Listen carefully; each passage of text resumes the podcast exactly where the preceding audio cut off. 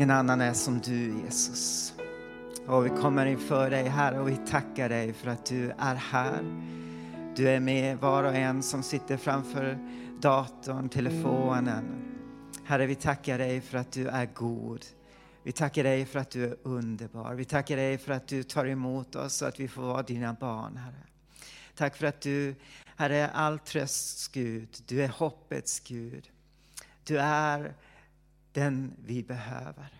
Jag tackar dig Gud för att du möter oss var och en ikväll Jesus. Du ser vad vi behöver, du ser vad vi går igenom Jesus. Jag tackar dig att du, Herre, du vet vad vi behöver och jag ber dig att du ska komma och röra vid oss, Herre. Tack att du har smort ditt ord, Herre, och jag ber dig Gud att jag ska kunna säga det du vill ha sagt, Herre. Tack att du hjälper mig, Herre, att få fram det du vill säga, Jesus. Jag tackar dig för det, Gud. I Jesu namn. Amen. Ja, jag, jag tror faktiskt att eh, mitt i all det här jobbiga som vi går igenom, all eh, det här virus och nöd och eh, kontroll, när vi inte kan göra det vi egentligen vill göra, så är Gud ändå god. Och Gud har allting i sin hand och han har lovat att han, har, att han ska ge oss en framtid och ett hopp. Och han är med oss mitt i den här tiden. Och eh, du vet att i Johannes så står det att djävulen kommer endast för att slakta, stjäla och förgöra. Men Jesus sa att jag kommer för att ge liv och liv i överflöd. Och det här får vi tro på att Jesus, han ger oss liv och han ger oss precis det vi behöver mitt i den här tiden. Och eh, jag vill tala idag om någon, jag har kallat den för Är du redo när fienden kommer?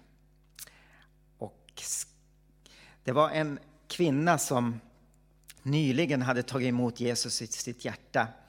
Och eh, nu kom hon till sin pastor och så, så bad hon honom att be för henne. Och hon sa så här, pastor, snälla, be så att Gud tar bort alla problem så att jag aldrig mer kommer att möta svårigheter igen. Då sa pastorn så här, okej, okay. så la han sin hand på henne och sa, käre Herre, ta bort den här kvinnan just nu, i Jesu namn. Nej, nej, nej, sa kvinnan. Vad ber du? Jag vill inte dö. Ofta så tror vi att eh, eh, när vi tar emot Jesus så blir allting bra och vi kommer aldrig mer att möta problem. Men eh, Bibeln säger att, att vi har en fiende och den här fienden han går omkring som ett rytande lejon för att se om han kan uppsluka oss. Och eh, Paulus han talar till oss om hur vi ska kunna stå emot djävulen när han kommer. Och eh, vi står inför den mest dödliga fienden i universum. Den här fienden är inte ett land, det är inte en människa, det är inte någon som är kött och blod. Så fysiska vapen hjälper inte mot honom. Och vi vet att hans namn är Satan, djävulen, han, han har även andra namn. Men och för att besegra honom, för att kunna stå emot honom, måste vi använda de andliga vapnen som Gud har i sin arsenal. Att försöka slåss i vår e- egen styrka, som vi ibland gör, det är ungefär som att släcka en skogsbrand med en kanna vatten eller försöka fånga en elefant med ett fjärilsnät. I vår egen kraft kan vi inte. Och i ett andligt krig, ett andligt eh, kamp behöver vi andliga vapen. Och i Andra Korinthierbrevet kapitel 10, vers 3 och första delen i vers 4 så står det Ty även om vi lever här i världen strider vi inte på världens sätt. De vapen vi strider med är inte svaga utan har makt inför Gud att bryta ner fästen. Vi måste bekämpa andliga krafter med andliga vapen. Vi måste ta på oss Guds vapenrustning och använda de vapen som Gud ger till oss. Och genom att förstå hur vi använder den här vapenrustningen så kommer vi att kunna stå raka och fasta och kunna stå emot Satan, fienden, när han attackerar oss. Och vi kommer även att kunna hindra, med Guds hjälp, honom att göra framsteg. Och eh, jag vill att vi ska gå till Efesierbrevet kapitel 6 och från vers 10 där Paulus skriver om den här andliga vapenrustningen. Så Efesierbrevet kapitel 6, vers 10 till och med 18. Till sist, bli starka i Herren och i hans väldiga kraft. Ta på er hela Guds vapenrustning så att ni kan stå emot djävulens listiga angrepp.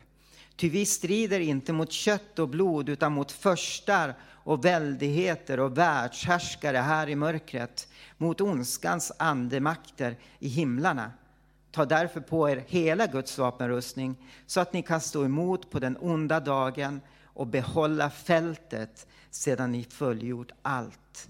Stå alltså fasta Spänn på er sanningen som bälte kring era höfter och kläd er i rättfärdighetens pansar och sätt som skor på era fötter den beredskap som fridens evangelium ger. Ta dessutom trons sköld. Med den kan ni släcka den ondes alla brinnande pilar. Tag emot frälsningens hjälm och Andens svärd som är Guds ord.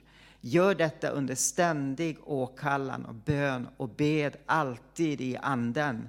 Vaka därför och håll ut i bön för alla de heliga. Och det är viktigt för dig och mig att se hur viktig den här vapenrustningen är. När Paulus skrev det här så tänkte han på, han såg framför sig en romersk soldat och den rustning som han bar. Och eh, vi behöver ta på oss den här vapenrustningen och förstå hur vi använder den. Jag kommer ihåg när jag gick bibelskola så så, lärde, så sa de att vi skulle varje morgon när vi vaknar upp så ska vi ta på oss vapenrustningen. Och så det blev som en vana under ett tag att bara göra det här eh, inför sig själv.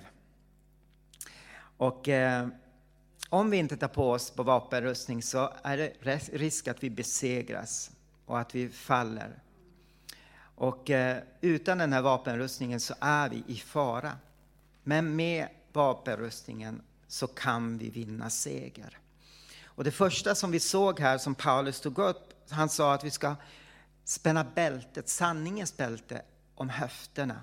Och en romersk soldat visste att det här bältet var en väsentlig del av hans rustning. Det var bara inte en snygg, ett snyggt bälte som han hade runt midjan, utan hans bälte band fast vapenrustningen och säkrade även svärdet som han hade i skidan i, på sidan. Så att vi ska alltså stå fasta och spänna sanningens bälte om livet. Det är sanningen som binder samman den troendes rustning. Vad är det då som är sanningen? Vi vet att det är Guds ord som är sanning.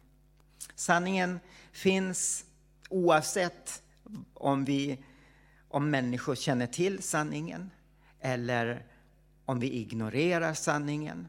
Men Guds ord är sanning. Och eh, vi behöver tillämpa den här sanningen. Vi behöver ta till oss Guds ord.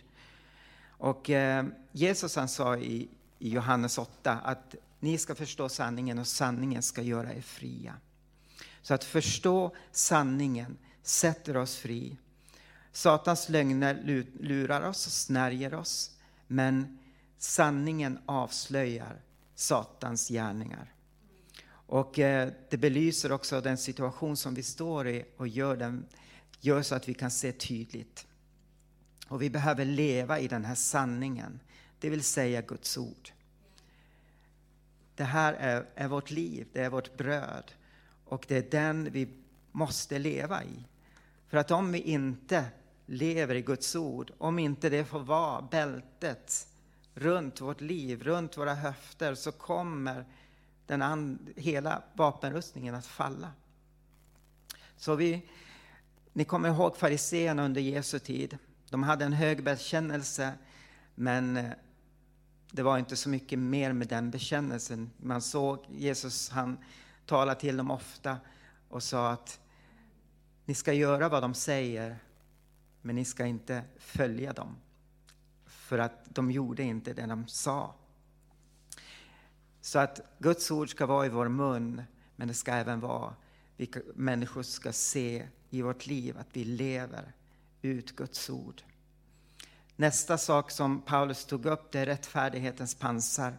Och vi vet att pansaret beskyddade alla de vitala organen i kroppen som hjärtat, lungor, lever, mage. Och eh, den täcktes, skölden täckte det här, de här organen. Och du och jag, vi behöver rättfärdighetens pansar som skyddar oss. Och i Andra Korinthierbrevet kapitel 5, vers 21 står det så här att den som inte visste av synd, honom har Gud i vårt ställe gjort till synd för att vi i honom skulle stå rättfärdiga inför Gud. När vi tar emot Jesus, när du tar emot Jesus, får du del av hans rättfärdighet. Du lever inte längre i din, rätt, din egen rättfärdighet som när vi läser Bibeln så står det att vår rättfärdighet är som en fläckad mantel. Utan när vi tar emot Jesus så får vi hand, vi får del av hans rättfärdighet. Vi står i rätt ställning med Gud, till Gud och vi är inte längre hans fiender utan vi är hans barn och vi kan komma frimodigt till honom och veta att han tar emot oss.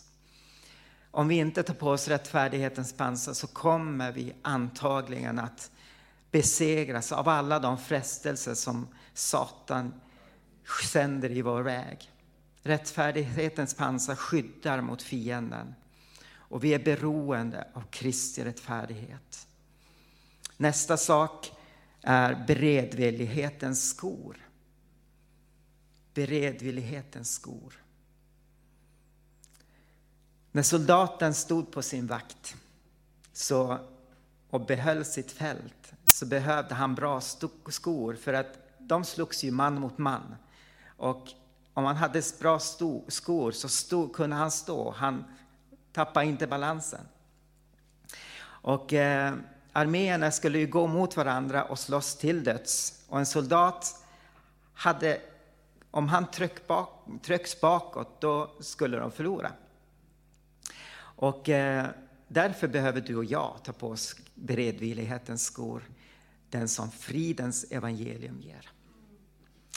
Och det finns två sorters frid som, som du och jag tar emot när vi tar emot Jesus. Det första är att vi får Guds frid. Romarbrevet kapitel 5, vers 1. Att vi har frid med Gud. Då vi alltså har förklarats rättfärdiga av tro har vi frid med Gud genom vår Herre Jesus Kristus. Innan vi mötte Gud så var vi hans fiender. Men i Jesus så blev vi fick vi frid med Gud och blev hans barn, hans vänner och nu har vi gemenskap med Gud. Det andra vi, friden vi får det är att vi får Guds frid. Och i Filipperbrevet kapitel 4, vers 7 står det så här. Då skall Guds frid som övergår allt förstånd bevara er, bevara era hjärtan och era tankar i Kristus Jesus. Så vi har alltså inte bara frid med Gud, utan vi har Guds frid. Och det här ska du och jag gå ut med till andra människor. Vi går ut med den frid som vi har fått. I Lukas kapitel 10 så säger Jesus, han sänder ut sina lärjungar att, att gå ut före då honom till den, till den plats som Jesus vill komma. Och så säger han att när de kommer in i ett hus så ska de önska frid till det huset. Och om det bor en fridens man så ska de stanna där. Vi önskar frid, vi, kommer med, vi är fridens barn. Och vi, när vi tar på oss villighetens skor att gå ut med evangelium, den, det tillhör vapenrustningen. Och det kommer också ge dig mening och ett syfte med ditt liv. När du lever för andra, inte bara ser på dig själv utan du går ut och hjälper andra, du leder andra för att de ska hitta Jesus. Det fjärde som Paulus säger är att vi ska ta trons sköld Och skölden var också en värdefull utrustning. Skölden var inte så... Soldaten stod ju bakom sina sköldar och ofta så stod de sida vid sida med sköldarna ställda tillsammans och bildade en lång skyddande väg mot fiendens pilar. Jag vet inte om ni har sett eh, filmen om Sparta, eh, om de här krigarna i Sparta som stod emot eh, den persiska armén under en, stor, under en lång period. Och de, men de hade sådana här stora sköldar som beskyddade dem. Och många av de här sköldarna blötläggdes i bäck. Och, eh, eller pilarna blötläggdes i bäck och så tände man på och så sköt de. Och det är här vad Paulus säger att fiendens pilar. Och eh, sköldarna så hade de, hade de läderbelagt så att när och hällt vatten på dem så att när pilarna, de här brinnande pilarna kom och fastnade i, i skölden så slutade den brinna. Och vi vet att Satan, han, sen, han skickar iväg sina brinnande pilar mot oss. Och eh, med tvivel, när vi Gud har inte sagt, vet du att Gud, han bryr sig inte om dig. Men då tar vi trons sköld. När djävulen kommer emot oss och sänder sina tvivel så tar vi trons sköld och står honom emot. Markus 11, 22-24 säger Jesus så här. Tro på Gud. Amen säger jag er. Om någon säger till detta berg, lyft dig och kasta dig i havet och inte tvivlar i sitt hjärta utan tror att det han säger ska ske, då skall det ske. Därför säger jag er, allt vad ni ber om och begär, tro att ni har fått det, så skall det vara ert. Vi läser att det här är sanningen. Guds ord är sanningen, det är sanningens bälte. Och när vi lär oss vad Gud säger i sitt ord, när, då kan vi vara redo när Satan sänder sina brinnande pilar med tvivel. När han kommer emot oss och säger att vi inte är värda någonting, att Gud bryr sig inte om dig. Då kan du ta upp Guds ord och säga att Gud älskar mig. Gud har sagt att jag är värdefull. Gud har sagt att jag är övermåttan, skapad övermåttan underbar. Och då utsläcks de pilarna som Satan sänder ut. Det femte som Paulus säger är att vi ska ta på oss frälsningens hjälm. Soldaten kunde inte alls gå ut i, strid utan att ta på sig hjälmen som, var, som täckte ofta allting, hela huvudet och eh, även eh, inte ögonen och näsan. Men eh, ett slag, vi vet att ett slag mot huvudet kan vara dödligt, men med, hjälm, med en hjälm på huvudet så var soldaten skyddad mot slaget mot huvudet. Och det här är det som frälsningen, frälsningshjälmen gör för oss. Frälsningshjälmen ger dig den tro du behöver för att möta fienden. Han kan inte göra någonting eftersom du inte längre tillhör honom utan du tillhör nu Jesus. När du gav ditt liv till Jesus, när du sa att kom in i mitt liv, förlåt mig mina synder, bli min Herre, bli min frälsare, så tillhör du inte längre Satan. Och Satan har ingen rätt att komma och säga till dig någonting, utan du tillhör honom. Du är befriad, helad, räddad genom det som Jesus gjorde på korset. För det är vad frälsningen innebär. Det innebär inte bara att du är räddad från synd, att du tillhör Jesus, utan det är också att du är helad, att du är befriad. I Hebreerbrevet kapitel 10, vers 21 till och med 23 står det så här. Vi har en stor präst över Guds hus. Låt oss därför med uppriktigt hjärta gå fram i full trosvisshet, med ett hjärta som är renat från ett ont samvete och med en kropp som är badad i rent vatten.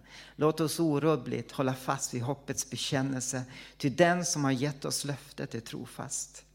Du kan vara säker på att du är frälst. Och om Satan påminner dig om ditt förflutna så påminn honom om hans framtid.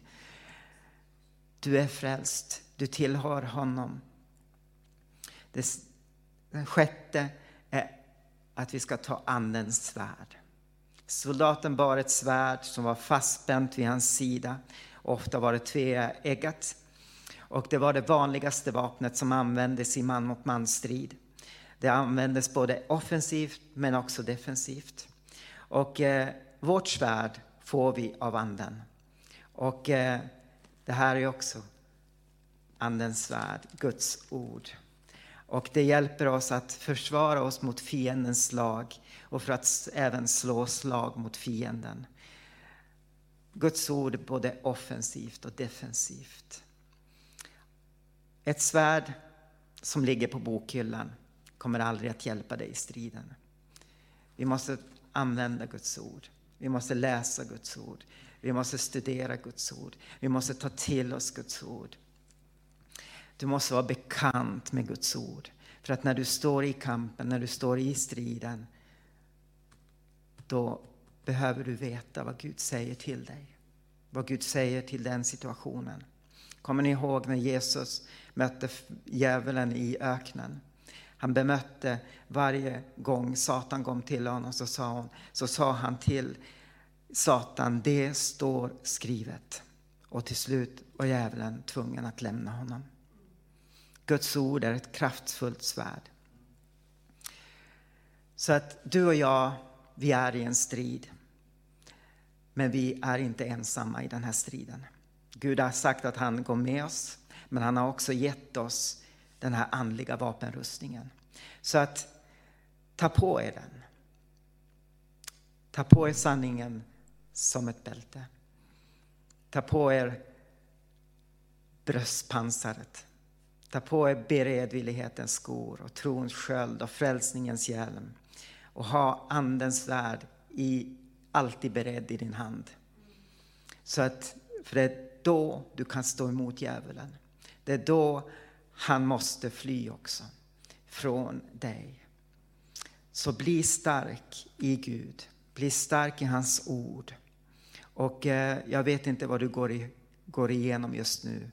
Men Gud är med dig. Och eh, jag vill be en bön till avslutning. Herre, vi tackar dig för att du inte bara ger oss en vapenarsenal. Du ger oss inte bara en rustning för att vi ska kunna stå fasta, att vi ska kunna behålla fältet där du har ställt oss, Herre. Men du har också sagt att du är med oss, att du aldrig lämnar oss eller överger oss. Herre, vi tackar dig för varje person som, som ser på det här just nu, Jesus. Du ser varje människa som sitter framför skärmarna, Jesus. Herre, du vet vad de går igenom, Jesus. Kanske de, är, de inte har tagit på sig frälsningens hjälm. Kanske de är svaga i att de tvivlar på att de är dina barn, Herre. Jag ber dig Gud att du ska komma till dem. Att du verkligen ska ge dem en förvissning att de tillhör dig, Gud. Jag tackar dig för det Jesus. Jag tackar dig Gud att du också ger oss var och en av oss beredvillighetens skor så att vi är villiga, Herre, att gå ut och berätta för människor om den frid som du ger, om den frälsning som du ger. Herre, jag tackar dig, Herre, för för allt som du ger till oss. Så jag ber dig Gud att du möter människor där de sitter just nu, Herre. Du ser människor som behöver helande, människor som behöver bli fylld av din Ande. Tack att du vill komma och att du vill möta dem. I Jesu namn. Amen. Ska vi ta och sjunga